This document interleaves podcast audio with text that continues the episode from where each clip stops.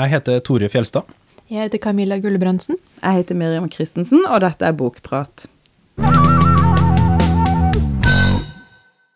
Vi er jo da samla her i studio med hver vår bok. Eh, bøker vi har lest i det siste. Eh, hvem har lyst til å begynne? Nei, hvem skal begynne? Hvem skal begynne? Camilla? Okay, Klassikeren? Ja. Det er eh, Charlotte Brontes siste roman, eh, 'Villette'. Den er litt mindre kjent enn eh, Jane Eyre. Det er ganske mange som ikke har hørt om den, faktisk. Den ble utgitt i 1853 og er, i likhet med Jane Eyre, veldig selvbiografisk i stoffet, da. Så det er litt interessant. Hvis man vet litt om Charlotte, Brontes liv, så er jo denne som da Jane Eyre, basert på et utenlandsopphold som Brontë-søstrene hadde eh, i Frankrike, der de jobbet eh, på en skole, da. Eh, og mm, der møtte Charlotte en rektor, var det vel, som hun ble forelsket i. Og det var ikke noe sånn gjensvart eh, kjærlighet, men hun brukte det, det stoffet i begge de romanene, både Jane Eyre og Villette. Men var det sånn at hun eh, Altså, Charlotte Bronte, hun ble aldri gift? Ja, det har jeg egentlig undersøkt. Nei, nei, for jeg tenkte bare at da, da bruker hun liksom den der ubesvarte kjærligheten, så, men så blir det jo en besvart kjærlighet i Jane Eyre, da. Det ja, og i her også, for så vidt. Men, men det er jo eh, altså, ikke så veldig, veldig tilfredsstillende besvart, holdt jeg på å si. Okay. Altså mer tilfredsstillende i Jane Eyre. For her er det sånn uh, Dette skal liksom ikke være noen sånn konvensjonell roman, uh, og ikke noe konvensjonell livsførsel, sånn at da ender det ikke i ekteskap. Um, oh. Selv om det på en måte blir hintet om at det kommer til å komme, og nå er det like før, og så blir det bare dratt unna. Nei, jeg burde kanskje ikke si det, for det er jo slutt. Du ødelegger slutten. ja. Ja, nei, men det er jo Jeg tenker det er interessant eh, å lese den uansett, om Ja. man vet hvordan det går til slutt. Ja, ja for Kanskje? denne boka er jo eh, ganske mye mer depressiv, syns jeg, da, enn okay. Jane Eyre. Jane Eyre er litt mer sånn litt feel good, på en måte. Nå kjenner jo de fleste den historien, for mange har jo lest boka eller, eller er sett filmen dypt eller sett har serien. lest eh. Så. Har du ikke det, Tore? Har du ikke lest Jane Eyre? Ja, Og ikke sett filmen eller sett Ja, ja. serien heller. Men i hvert fall uh, Ja, det er mer uh, happy ending og ja, med ekteskap og det hele. Sånn veldig konvensjonelt. Men mens eh, denne Villette-boka, da Det som er litt gøy, er at um, hun Bronte hun forespeilet visstnok både eksistensialismen og psykoanalysen og modernismen og veldig mye i denne boka, for ingenting av det var funnet på. Eh, funnet på, i gåseøyne. eh, men så på en måte mm, Ja, så hun var litt sånn forut for sin tid, da.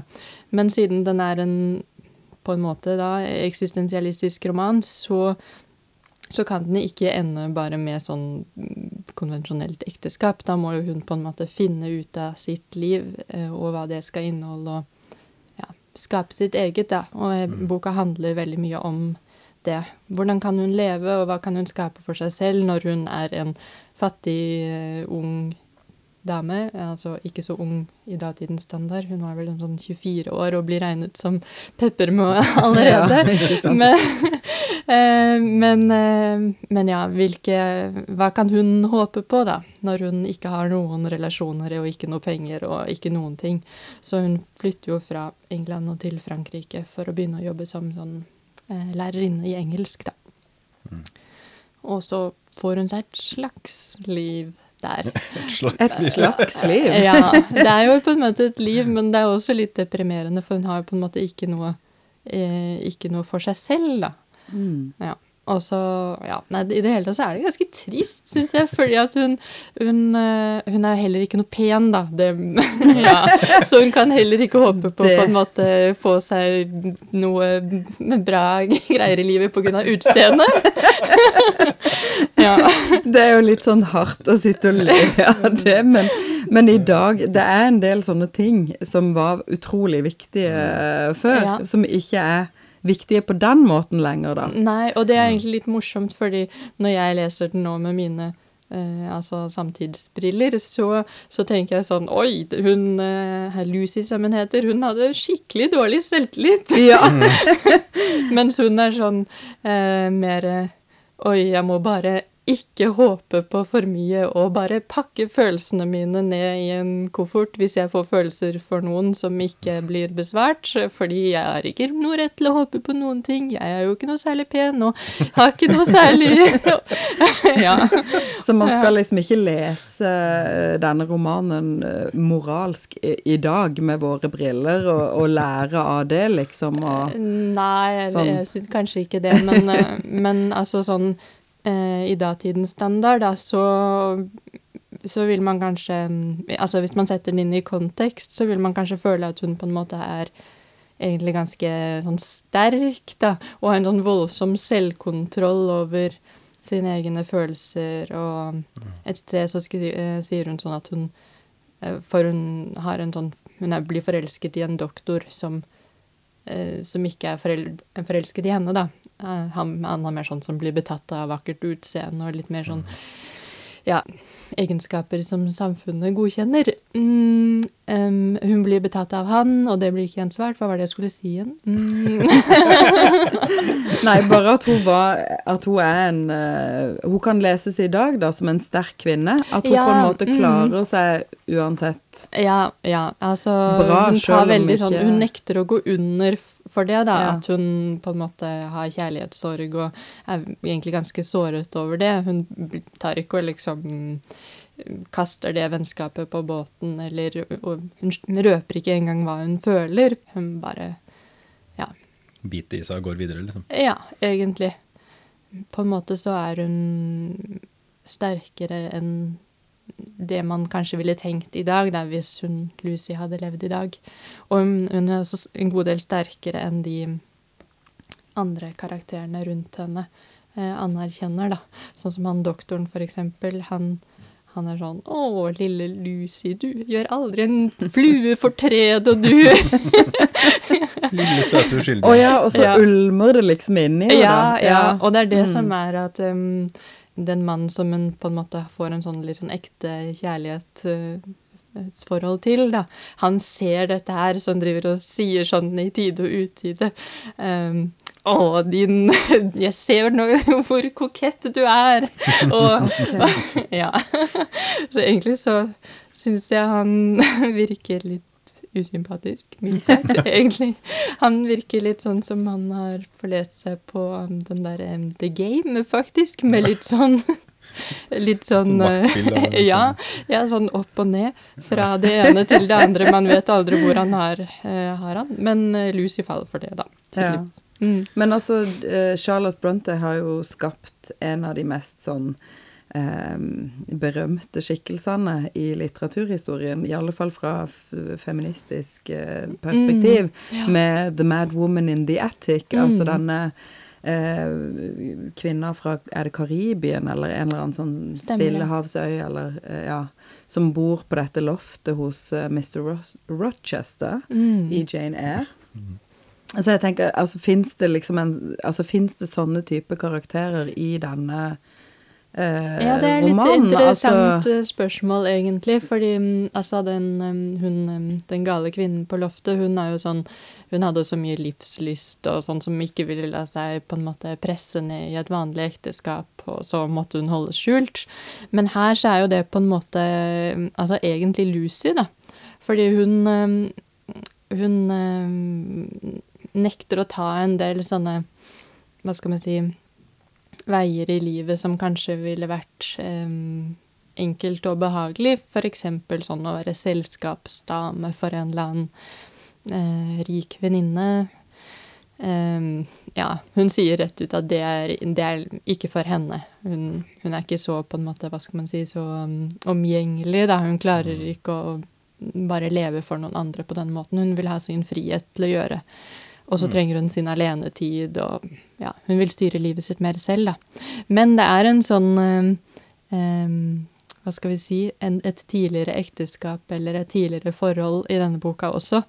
Altså det er denne her eh, læreren da, som Lucy blir forelsket i, som har em, Skal vi se, hvordan skal vi forklare det? Um, det er litt intrikat i disse romanene Eh, fra ja. 1800-tallet. Det er mye sånn Ja, altså Eh. han har vært forelsket i en eh, jente tidligere som tok selvmord fordi hun var på en måte eh, for ja, Sånn som Lucy presenterer det, da, for veik til å liksom stå opp for den kjærligheten til, til denne læreren som familien ikke godkjente. Så Lucy er ganske sånn krass i sin dom av henne, og bare Ja, hun var en sånn litt sånn blek og vek jente som man ser utallige av rundt omkring, og ikke noe spesielt å legge merke til. det bare Ja, så det var liksom helt ubetydelig, da? Ja, at hun, hun hadde er- tatt sitt eget liv og Ja, på, eller det hørtes jo fælt ut, men, men på en måte så er den eh, den tidligere kjærligheten Hun er jo den strake motsetningen av den gale kvinnen på loftet i Jane Eyre, da. Men likevel en konkurrent for Lucy. Hva, Hvorfor heter boka Violett? Du, det er litt, eh, litt uh, interessant, egentlig. Jeg har ikke googlet det eller noe sånt nå, men det jeg tenker da, er at eh, altså Jane Eyre heter jo Jane Eyre oppkalt etter uh, hele tiden, mens her heter, heter boka Villette, og det er den byen som Lucy mm, flytter til. Um, Men det er litt symptomatisk, egentlig, fordi altså, boka åpner jo med at um, at Lucy, før Lucy er på en måte presentert som, som hovedperson, så, så sitter Lucy og eh, observerer noen andre personer og gir veldig sånn detaljerte beskrivelser av hvordan de er, og så vi tenker at det er de personene som Lucy beskriver, som er hovedpersonene. Men det er det ikke. Mm. Så, så det er noe med at eh, altså, Lucy er litt sånn Hun er jo en hovedperson, men på en måte så er hun ikke en hovedperson likevel. Altså, vi ser Um, verden gjennom hun på en måte? Sånn, Ja, det gjør vi jo hele tiden, og det er en førstepersonsfortelling, og, Mm. men hun er ikke noen typisk heltinne, og i motsetning til alle de andre dameskikkelsene i denne boka, så skjer det aldri noe sånn, noe sånn bra for henne som man forventer at det skal skje med heltinner. Bortsett fra at hun faktisk eh, Ja, det skal jeg kanskje ikke røpe, men det skjer noe bra. Men det, det skjer én bra ting. Ja. Men sånn generelt da, så er det et ganske ulykkelig liv. Og hun, hun er på en måte en helt sånn perifer figur i alle, alle sånn sosiale konstellasjoner i boken. Ja. Ser du nesten igjen det bare på coveret på den utgaven du har her? Det er liksom et stort hvitt cover, og så er det en sånn en sånn skyggeskikkelse med det har i ryggen til også. Ja, så det er bare det- helt sånn eh, diffus og vanskelig å få tak på. Liksom. Mm, og det er flere mm, scener i boka hvor hun, hvor hun eh, på en måte bare sitter og observerer, og kanskje ikke engang de andre vet at hun er der. Eh, hun bare liksom snoker litt rundt i kulissen og snakker om mine venner, og så si, eh, hører hun kanskje at de vennene sier 'Å, vi skulle jo ha invitert Lucy'. Ja ja. så ja. Men, så dette er jo en bok om ensomhet også, fordi altså Lucy er veldig ensom og har, har jo egentlig ingen familie. Eh, og jeg tror, eh, hvis jeg ikke husker feil, at Bronte uh, Charlotte skrev denne boka etter at hun hadde mistet søsknene sine. Så altså Ja. igjen det selvbiografiske, da. Ja, for det var det jeg hadde tenkt å, å spørre deg om. Altså, er det mulig å lese de eh, Bronte-bøkene, holdt jeg på å si? De var jo tre søstre som skrev. Uh, kan man lese de uten å vite Altså kjenne biografien deres? Ja, Eh, de står Altså, denne romanen her står helt for seg sjøl, da. Ja, det syns jeg jo. Eh, Men det blir jo kanskje ja, litt ekstra interessant mm. når man vet livshistorien deres. Ja, det er jo noen ganger du kan føle at eh, biografien til forfatteren nesten er, står i veien Ja, for boka. At det, liksom, det hadde vært nesten bedre å ikke vite så mye, men i dette tilfellet er det kanskje en berikelse isteden. Jeg syns alltid det er jo, gøy å ja, vite. det er sant. Altså, det kan være litt, jo, sant, men at du kanskje ser på noen Kanskje på en negativ måte isteden. Ja. Fordi at å ja, men det var jo den forfatteren som gjorde sånn og sånn. Mm. Men her er det ikke sånn, Ja, tenker jeg. Fordi, nei, det er ikke ja, den typen Nei, eh, nei, det er ikke det. Det er litt mer i den der Kafka-kategorien, kanskje. At, Mm. altså at man Ja. leser noe som er helt fantastisk, og så etterpå kanskje eh, Ja. Mm. Så leser man uh, liksom de biografiske konteksten rundt de uh, Ja, sant? Så Så finner du ekstra klangbunn og ekstra Ja, og så blir, ta åpner det seg liksom helt Ja. nye sånn dimensjoner, da, for du skjønner litt hvor det kommer ifra, hvor, Mm. hvordan den Ja. litteraturen kunne oppstå. Ja, Mm. jeg føler jo at de Bronte-søstrene mm, er mm, litt sånn kvinnelige feministiske forbilder, så det er på en måte det er fint å Eller det er interessant å kjenne til livshistorien deres Mm. fordi, fordi de på en måte levde såpass uh, ukonvensjonelt, da. Mm. Og mm, ja, og det Altså George Eliot, som også var en sånn veldig, veldig sterk forfatter inne på den tiden, hun, hun var helt over seg over hvor vil, uh, bra Villette var, da, som roman. Ah, ja. Ja. Men eh, de Brontë-søstrene, altså det er jo veldig sånn sterkt søsterskap, altså veldig tett, da. Mm. Eh, slår det meg når jeg, har jo ikke lest biografier om det, men jeg har lest litt om dem. og kan Ja. kjenne Men det er jo spesielt liksom tre forfattersøstre. Da, ja. Men så veldig sånn rikt fantasiliv, og det, Mm. hele de der verdenene som de fant opp da de var små. Det var veldig sånn Ja, veldig fantasirikt, og så døde de jo ung. ja. Men det er Alle sammen gjør de det. Ja, jo, i de hvert dør fall, jo ja. unge, i alle fall i vår uh, verden. Så er det jo Mm. ungt å dø i slutten av 30-årene, da. Men uh, på er den tida så var sikkert det litt vanligere enn det er i dag, da. Mm. Men uh, altså, de, de er jo berømte og Altså, det er jo så mye Mm. ting som er fascinerende ved livene de sine, at det er tre søstre og en bror, da. Mm. De bor liksom ute på heden, litt sånn vekk ifra folk. Faren er prest, de har mista mora. Eh, Og så underholder de jo på en måte hverandre ved å skrive historier. Mm. Ja. Så de, de egger jo hverandre til Mm. å liksom skrive. Men det at alle tre blir publisert, er jo liksom Og alle tre Ja. har ganske høy kvalitet, eh, vil jeg si. da. Ja, Nok til altså, at de har stått, står seg ennå, ikke sant. ja, så Mm. kommer liksom de bøkene litt sånn fra det samme universet, på en måte. Så de er litt sånn Ja. symbiotiske på et vis. Det er utrolig Jeg blander jo alle de søstrene, altså Bronté, men hvilken var det nå igjen? Ja, ikke sant? Ja, ja, Men det, så det er jo selvfølgelig ufattelig fascinerende. Jeg husker ikke hva Anne Bronté skrev. We, eh, tjeneren på Ja, stemmer. Hall, Den, eller ja, et eller annet, eh, Stemmer. sånn. Ja, det, det er sant. Alle har jo noen sånne altså, skikkelig gode romaner. Det, Mm. Og vi snakker om alle de romanene 150 år senere, ikke sant? Så over det, faktisk. Ja. Ja. Mm.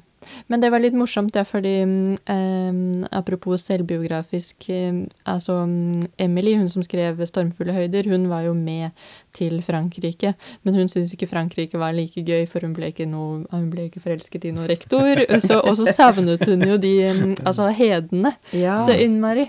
Og det er jo eh, det samme motivet som er i 'Stormfulle høyder'. Mm. Som, ja Alle skrev ganske selvbiografisk, da, tilsynelatende. Mm. De hadde nok mye fantasi også der ute på den Det- heden, da, tenker mm. jeg. Noen ting må du jo ta deg til. Det ja, ikke sant? Men at det, man var jo ikke så bereist kanskje på den tida. Altså, de kom seg til Frankrike, men det var kanskje bare der de var, og så hjem igjen. Ja, Jeg tror lurer det. på det. Og Mm, da- for de startet jo sin egen skole når de kom tilbake, så ja. Så det begrenser seg litt liksom hvor, hvor mange steder en roman kunne utspille seg, Mm. Ja. Skriv om det du kjenner. ikke sant? Ja. Ja, litt sånn. Mm. Men um, altså um, Der hvor um, Altså, Villette er jo sånn Den på en måte Den hinter om at det er noe litt sånn overnaturlig og sånn, for alle de mm, bøkene de har skrevet ikke alle, nå skal jeg ikke overdrive, men i hvert fall 'Stormfulle høyder' og 'Jane Eyre', det er jo, det er jo mye av det overnaturlige og liksom litt sånn gotisk romanaktige. Men i 'Villette' så er det eh, Det hintes om det, og det er liksom en sånn eh, altså spøkelsesskikkelse, men så viser det seg at det er bare noe sånn eh, en eh, Hva skal vi si? En, eh, en manøver for å lure en, hovedpersonen, fordi det er en sånn litt overfladisk jente som ja, får en trier inn i eh, eh, inn i huset der de bor, eh, som er kledd ut som spøkelse også. Så egentlig så er det ganske sånn tullete, litt sånn der, eh, litt sånn farseaktig nesten. Ja. Men det er det jo i de Altså i både Jane Eyre og uh, Stormfulle høyder. Ja, så er jo på en måte det der litt sånn uovernaturlige, eller det gotiske, eller hva man skal si, det er jo også tenkt. ja, det er noe som ligger litt oppi hodene deres. Ja, ja, litt sånn, men kanskje ikke så mye eh, stormfulle høyder. Der føler jeg at det er mer sånn ekte. ja, men der er det kanskje også naturen, da, som, Ja. som står for det på en måte over Det er sant. overnaturlige naturen. Mm. og, og det handler jo kanskje mye om at man eh, ja, le leser det inn Ja. i omgivelsene. Da. Ikke sant? Besjeler naturen. Mm. Mm. Det er sant. Jeg har jo tatt med en novellesamling som eh, også er litt eh, inn i, det, inn i gotikken, egentlig. Eh, en argentinsk forfatter som heter Mariana Enriquez. Som har skrevet en, som har fått, en novellesamling da, som har fått tittelen 'Ting vi mistet i brannen' på norsk. Kom for et par år siden. Den er jo betraktelig nyere enn en Bronté sin utgivelse, selvfølgelig. Den har blitt trukket fram som en litt sånn skrekk-novellesamling. Eh, og det for så vidt ikke helt usant. Eh, men jeg, jeg leste det ikke som en sånn Det er ikke rene skrekknoveller. Men det er alltid noe sånn ubehag som ligger i bunnen. En sånn, eh, en sånn uro og, og noen ting litt overnaturlig som alltid er, er, ligger helt, eh, helt under alt som skjer. Det ligger og ulmer litt.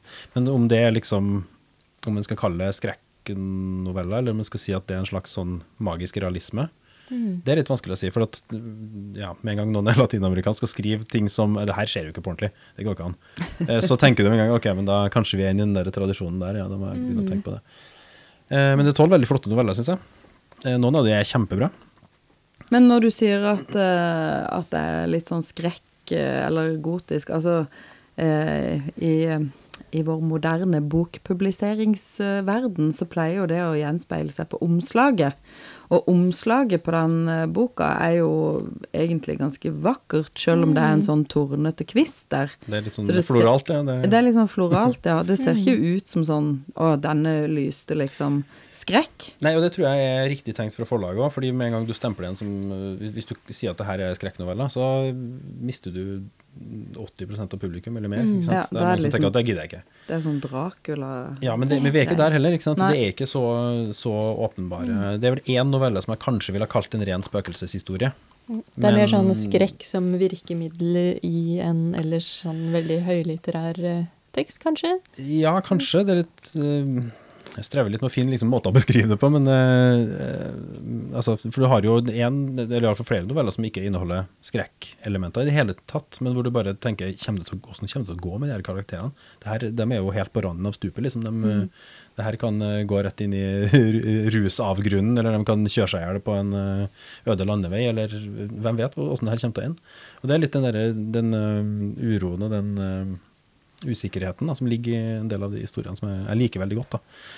Tittelnovella den uh, henspiller på en sånn uh, epidemi av kvinner som setter fyr på seg sjøl i protest mot vold i hjemmet. Og det er jo veldig sånn jordnært, ikke sant? Men samtidig så blir det behandla på en veldig sånn pussig måte, fordi samfunnet reagerer ikke liksom helt sånn som du skulle ha forvent. Og folk reagerer ikke helt sånn som du skulle forvente, forventet, og noen overlever jo det her og liksom går rundt med arrene sine, brannarene sine med stolthet. og Det blir en sånn slags sånn subkultur nærmest av, av kvinner som har satt fyr på seg sjøl, og liksom går og bærer det som en sånn Yes, vi har tatt ansvar for livet vårt. Liksom. Yes. Og, det, og det er en sånn hvor du sitter og klør deg litt i huet og tenker sånn, Det her var et perspektiv jeg aldri har tenkt på, ikke sant? eller aldri har sett Men på meg. Men er den boka mm, altså politisk motivert? Eh, Var det, hvilket land var det hun Det var Argentina. fra? Mari- Ok, ja. Mm. Det kan jo godt hende. Nå kjenner jeg ikke så detaljert til hvordan det står til i Argentina akkurat nå, men, øh, men hele Hovedpersonene er, nest, er er veldig ofte kvinner. Og veldig ofte kvinner som tar ansvar for livet sitt og gjør ting. Altså er sterke kvinner, da. Du har jo ei, kvinne som finner en, eh, en tannløs hodeskalle på gata og bare tar den med hjem. Og, her, og, og lar det her dominere hele husholdet. Eh, mannen blir jo liksom eh, eh, hva, hva gjør den hodeskallen her her? Eh, Nei, hun bare sier at nei, det, den skal bare være her. Jeg tar den med inn på soverommet. Og den, det, det, nå er det meg og hodeskallen på soverommet, du får ligge på sofaen. Eh, kjøper parykk til den her hodeskallen og kaller den Skalia. Og liksom, kjempe Det høres jo litt sånn absurd eh. Surrealistisk eh, er det, er det humor, liksom, der? Eller Ja, altså, det, det ligger jo en humor, ikke sant? Fordi, Ja. nettopp fordi at det er så rart. Da, ikke sant? Det er sånn, jeg tenker Hva i all verden tenker den mannen om det her. Liksom, plassen min i ektesenga blir tatt over av et skjelett, liksom. Og nå skal, og nå, skal kona mi ut på gravplassen og grave etter knokler. Hva, hva, hva, hva skjer nå, liksom? Men der har du jo et skrekkelement, ikke sant? Det der med, med gå på kirkegården og grave opp grava, ikke sant? Det er veldig sånn klassisk skrekkelement, men samtidig så blir ikke historien fortalt som en skrekkhistorie. Sant? Det, blir ikke, det er ikke det, det suspense-elementet som du finner i Ja, og de med, han mannen for eksempel, reagerer han med altså, skrekk og gru over å vite at hun går der, eller? Han er reagerer jo med forferdelse, men det er ikke hans Mm. perspektiv. er ikke- Hans frykt er ikke viktig. ikke sant? Nei. Det er hennes perspektiv som er det viktige i akkurat den fortellinga. sant? Um, så er det en annen historie om en uh, fyr som uh, har som jobb, og det høres ut som en kjempetrivelig jobb, han uh, er guide på en turistbuss. Flott, det. Men det er en turistbuss som kjører rundt til åstedet for forskjellige forferdelige kriminalsaker. Så liksom, ja, her skjedde det bestialske mordet på den og den, og her tok han seriemorderen livet av det barnet, og sånn og sånn. Og så begynner han guiden å se et spøkelse av en av de her morderne som er med på bussen hver dag, ikke sant. Ah, Men, og, og da tenker du med en gang oi, det er en skikkelig spøkelsesfortelling, det her er utrolig ekkelt. Men du får ikke den type sånn Bø-effekt, eller at det er liksom en spøk... For han tar ikke del på en måte i den fortellinga, men det at han er der, påvirker hovedpersonen til å begynne å forandre, på, forandre seg. Men de der eh, guida bussturene, de fins jo. De gjør jo det, ikke sant? Ja. Ja, ja. Folk er opp, opptatt av det morbide, ikke sant. Eh, det er sikkert skyldig i det samme sjøl, ikke sant. Så har du også veldig sånn eh, tilsyne, altså ganske jordnære fortellinger om en, en gutt som stenger seg inn på rommet sitt og bare sitter foran datamaskiner og kommuniserer med mora via eh, elekt, altså elektronisk, ikke sant. Og låser seg inn sånn som og, og da er vi plutselig på liksom, samfunnskritikk, eller på Kritikk, hva er det riktige ordet? Kanskje ikke samfunnskritikk, men bare en eh, Altså, det å observere sånne type forhold i samfunnet trenger jo ikke nødvendigvis være en hard kritikk, men, men en eh, Altså, det å beskrive det og se det, er Ja, jo på en måte og sette det opp eh, ved siden av hverandre, forskjellige ting som man kanskje mm, vil synes er litt um, altså spesielt, eller utenom det vanlige, da, når man ser det sånn, ja, sammen. Mm. Men hvordan plasserer hun seg som eh, novellist, da? Altså, er disse novellene Er de karakterdrevet? Er de plottdrevet? Er de drevet av Altså, er det å lese som en Kan man lese det som én lang fortelling, eller er det liksom veldig individuelle Det er veldig individuelle, men det er fordi at det også har helt forskjellige hovedpersoner eh, og, forskjellige eh, perspektiver da, på, på ting. Men, men det er den samme stemmen som på en måte går igjen. Altså den samme, det, det er jo samme forfatteren, så det skal vanskelig gjøres å unngå, selvfølgelig. Men, eh, men det er en veldig fin eh, sånn fortellende stil. Eh, Veldig flink med beskrivelser, syns jeg. Eh, Ikke så forferdelig mye dialog. Jeg har jo lest et par eh, av dem, og jeg tror, altså sånn som jeg husker de, da, det er en stund siden nå, så vil jeg tro de er karakterdrevne, selv om, altså, selv om det eh, Altså Til tider så er det jo litt sånn Oi, her kommer det noe spennende handling og sånn. Men, men det som kanskje gjør at den ikke bikker helt over i den altså virkelig sånn skrekkhistorie, er at den er karakterdrevet og ikke plottdrevet, da. Eh, fordi vi får jo ikke noe løsning, Mm. eller, altså, og, eller at det bygger seg opp til et virkelig klimaks på noen måte. Det er mer den der, de karakterenes opplevelse av de forskjellige hendelsene. Altså det noen, noen av historiene er jo faktisk veldig sånn, har en veldig sånn avrunda Mm. avslutning. Noen er veldig åpen.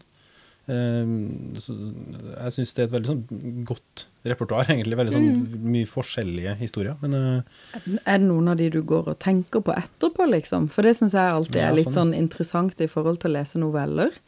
For det, det er noen noveller som du føler er skrevet kun for å få fram et plott, liksom, og det kan være litt sånn at den blir løst i, altså innenfor novellas fire vegger, holdt jeg på å si, og så er man liksom ferdig når man lukker døra, mens andre noveller kan være sånne små glimt, liksom inn i noe større, som man blir gående og tenke på eh, i ettertid. for eksempel den der med han, eh, han som eh, kjører den der turistbussen, eller han som er guide da, på turistbussen. Ehm, den avslutter jo veldig åpent på at han, eh, han har jo en familie, ikke sant? En, eh, altså en kone og barn, som han et, får mer distanse til. Og han her morderen som han på en måte får en fiksering på, da, han uh, utførte et drap ved å slå en spiker inn i hodet på noen. Og historien, avslut, og historien avsluttes jo med at han sjøl sitter og har en spiker i fingrene ikke sant? hjem etter at familien har gått og lagt seg. Og det er litt sånn OK, hvor er det her? På, er det her på vei til noe, til noe fryktelig, eller er vi altså, det er, For min del så er det litt interessant at jeg kom over den novellesamlinga, fordi at den minner om to andre novellesamlinger som jeg har lest i det siste, som også er skrevet av kvinner. Og da er de like. Og da er det akkurat det samme. Nei, det er ikke sånn, men, men, det, det, er, men det er to sty stykker som har gitt meg litt den samme følelsen av litt sånn, u, sånn underliggende uro. Mm. Og eh, også noen skrekkelementer Eller det er feil å kalle det skrekk. Det er nesten som jeg vil kalle det bare magisk realisme. Altså, for det er over, noen ting overnaturlig som også kan skje. da. Mm. ene er en som heter 'Du vet at du vil' av Kristen Ropenian. Det skrev jeg en anmeldelse av for biblioteket også. Um, hun er mer opptatt av feminisme og av forholdet mellom kjønnene og mann-kvinne-dynamikk og, og, den slags, men, men har også uh, f.eks. en uh, novelle om ei dame som eh, finner en gammel bok i et antikvariat, og så tar den med seg hjem, og så går ned i kjelleren, og så står det Oi, her er det noe sånn beskrevet noen rare ritualer. Jeg gjør et av dem. Jeg fikk tilkalt drømmemannen. Som liksom en mann som vil elske og ære meg til evig tid. Ja, ja. Men hun behandler den som dritt. For hun vet ikke hva skal jeg gjøre med den. Jeg bare beholder den inni den, her, den her magiske sirkelen, så den må jo bare være der. Uh, og fankeren, han fryser jo. Skal ha klær? Han må mates, altså, i all verden. Og, det er jo også, med, og saken at det er jo en veldig overnaturlig fortelling, men det blir jo en sånn Om det er en allegori, eller om det er en Ikke allegori, det blir feil, men det blir en sånn fabel, da, ikke sant? Som, en, eh, som forteller om noe mer enn bare de to i den kjelleren, men det forteller noe om forholdet mellom kjønna og hvordan hun ser på det. og det Veldig, veldig bra. altså. Den, den, likte jeg veldig godt. Det var vel hun som skrev den der eh, novella som ble Den eh, metoo-novella? Mm. Ja, som ble delt eh, sånn 100 millioner tusen ganger på, i sosiale ja, medier etter å ha stått på mm. ja, trykk i Cat People heter den. Ja, novella. Cat People ja. i New Yorker. Mm. Den er veldig bra. En annen som jeg bare nevner sånn i forbifarten, er en som heter 'Ekte kvinner har kropper', av Carmen Maria Machado. Machado usikker på uttalen, men det er ikke akkurat spansktalende. Men det, hun er også amerikansk, da. Eh, og den går kanskje enda lenger inn i den uh, skal vi kalle det feministvrien på det, men uh, har også en altså, F.eks. en kvinne som er forfatter, som betaler for et opphold på et kursted, vi kan ikke kalle det kursted, som et skriveopphold på et hotell sammen med andre kunstnere. En kunstnerkoloni, nærmest eh, som tilfeldigvis ligger rett ved siden av der hun hadde en helt forferdelig opplevelse på speiderleir da hun var lita. Og som hun på en måte gjenopplever på en eller annen litt sånn mystisk måte underveis i denne mm. fortellinga. Men også veldig, veldig gode noveller. Så de ja, anbefales. Men hva er det du har tatt med, Miriam? Du, jeg har også tatt med meg eh, en bok av en forfatter som jeg ikke helt vet hvordan jeg skal uttale navnet på. Eh, Aldona Kastan, eller Kastan. Eh, jeg trodde først når jeg plukka opp denne her, at det var en oversatt bok. Jeg vet ikke hvorfor jeg trodde det, men uh, tittelen 'Huskeøvelser for viderekomne' uh, hørtes ikke umiddelbart sånn typisk norsk debutant ut for meg. Uh, og så det utenlandske navnet, da, som er et polsk navn. Det er en norsk-polsk forfatter. Nor norsk debutant, faktisk. Mm. Fant jeg ut etter hvert når jeg hadde begynt å lese boka.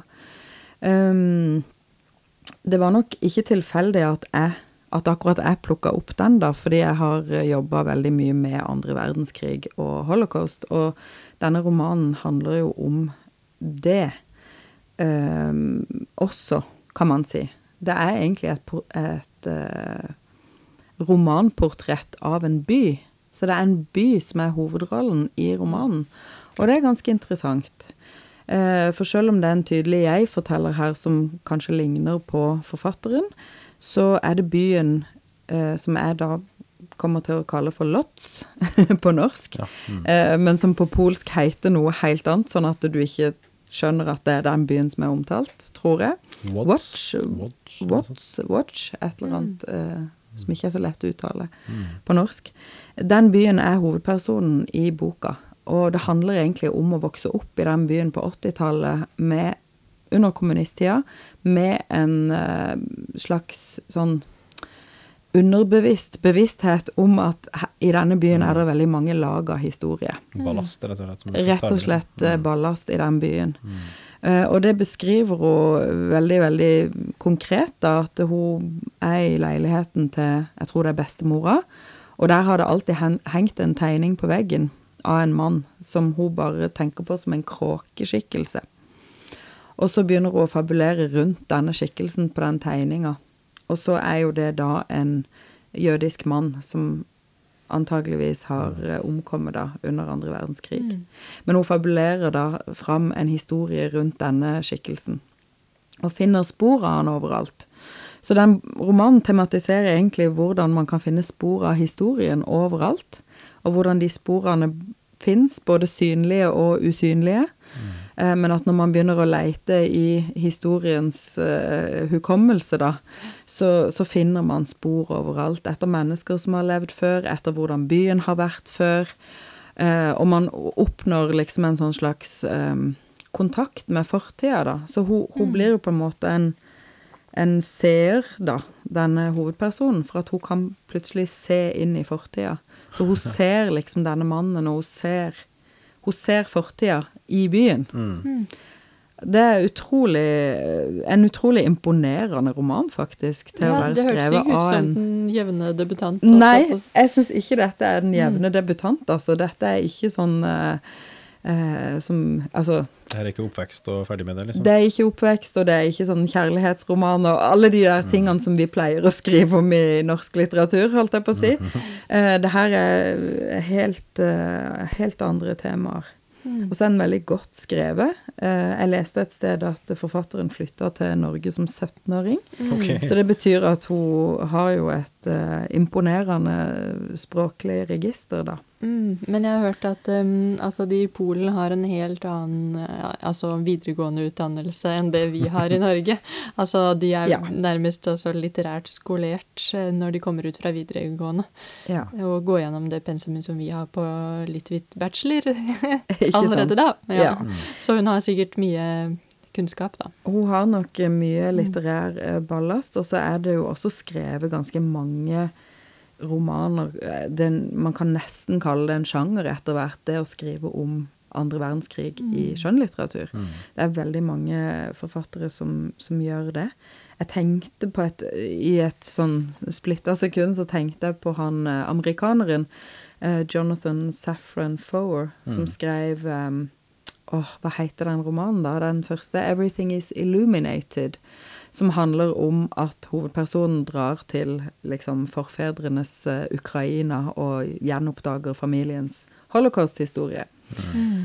Og litt uh, Den ligner jo overhodet ikke på Saffron Four, da, som er litt sånn vill og galen. Dette er en mye mer nøktern roman. Um, nøktern, men likevel magisk realistisk, eller? Var, ja, altså, ikke sant, hvis, du først... ser, hvis, du faktisk ser de her figurene på ordentlig, det er ja. litt interessant. Men det er ikke noe sånn påstand om at eh, verden er magisk, men det er ganske mange referanser til den hasidiske jødedommen, som har ganske mange sånne eh, spennende poetiske teorier om universet og Gud, og hvor mye ondskap og, og godhet som fins i verden. Og mm. De har jo en sånn teori om at hvis det til enhver tid fins 36 rettferdige menn på jorda, så vil liksom universet uh, holde en sånn slags uh, balanse, da, og, og, um, og, likevekt. 36 må det være mulig å oppdrive, tross alt. Ikke sant? Det, altså, det er på en måte veldig mye magi, magisk tenkning da, i sånn kabbalisme mm. og hasidisk jødedom. Og det plasserer hun denne Brunon-personen eh, inn i, da, som er en hovedperson i denne romanen. Det er på en måte de to personene. Det er eh, den, eh, denne jenta som vokser opp på 80-tallet, Alina, og så er det denne Brunon, som da er en ung mann under krigen. Og de to gestalter liksom to forskjellige epoker i Lodz sin historie, da, og i den polske historien. Mm. Og så har hun et uh, Siden hun da har flytta eh, for, Forfatteren har flytta til Oslo, det har også Alina, hovedpersonen. Så hun har noen sånne betraktninger da på um, den skandinaviske virkeligheten som jeg syns var ganske fin. Hun reiser til Stockholm på et tidspunkt for å, å legge fra seg et postkort som denne Brunon på et tidspunkt uh, skulle sende til uh, slektninger i Stockholm. Det var jo mange som dro til Sverige under krigen for å komme mm. seg i sikkerhet.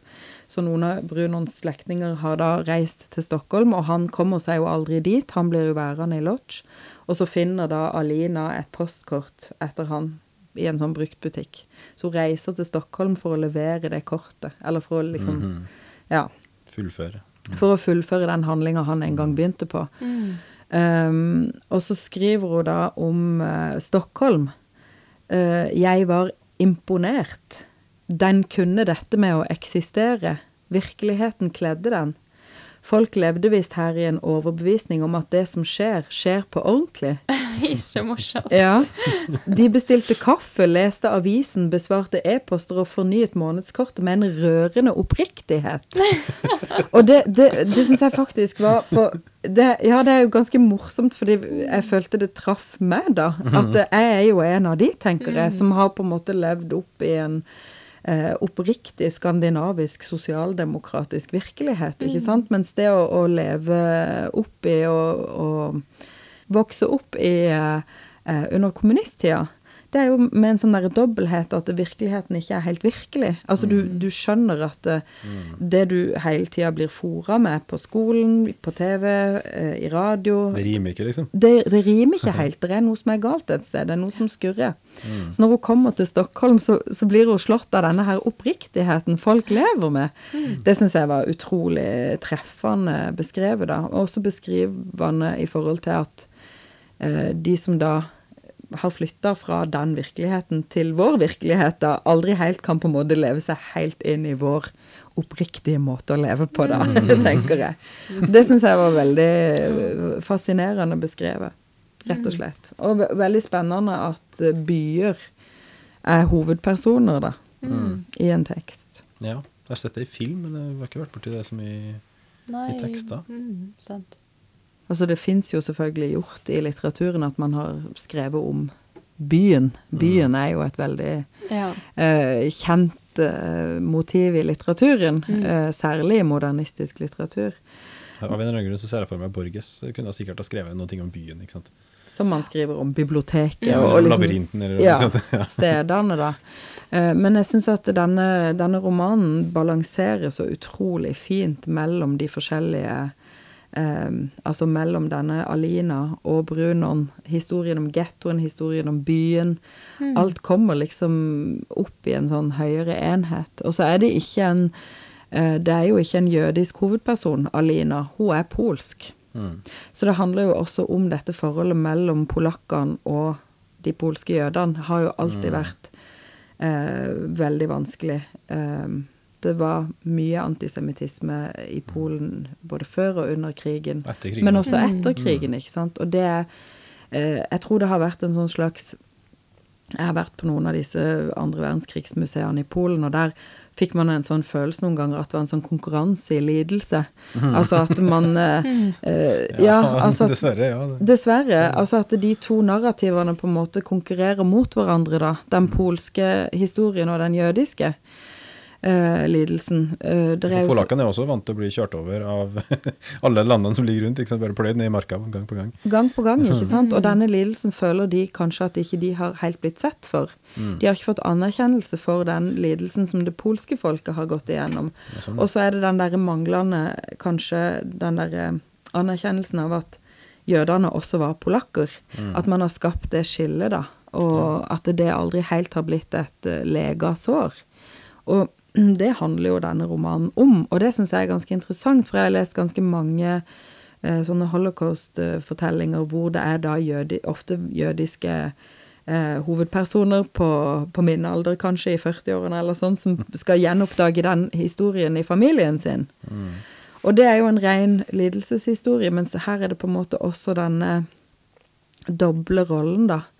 Eh, hvor du både er polakk, men du har jo også på en måte hatt en vanskelig oppvekst under kommunistregimet.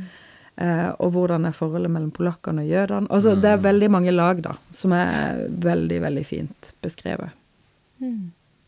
Men det hørtes ut som en skikkelig interessant bok. Det er en skikkelig interessant bok. Det er en skikkelig interessant historie, og så er den veldig godt skrevet. Og derfor gjør det det ekstra gledelig å lese den, da. Jeg er kjempespent på hva den neste romanen fra Kastan, eller Kastan, eh, blir. Eh, jeg syns det er utrolig spennende også at det kommer eh, bøker fra norske forfattere som har en uh, dobbel bakgrunn, da. Som har bakgrunn fra andre land og virkeligheter og historier. At vi får det på norsk er kjempefint, altså.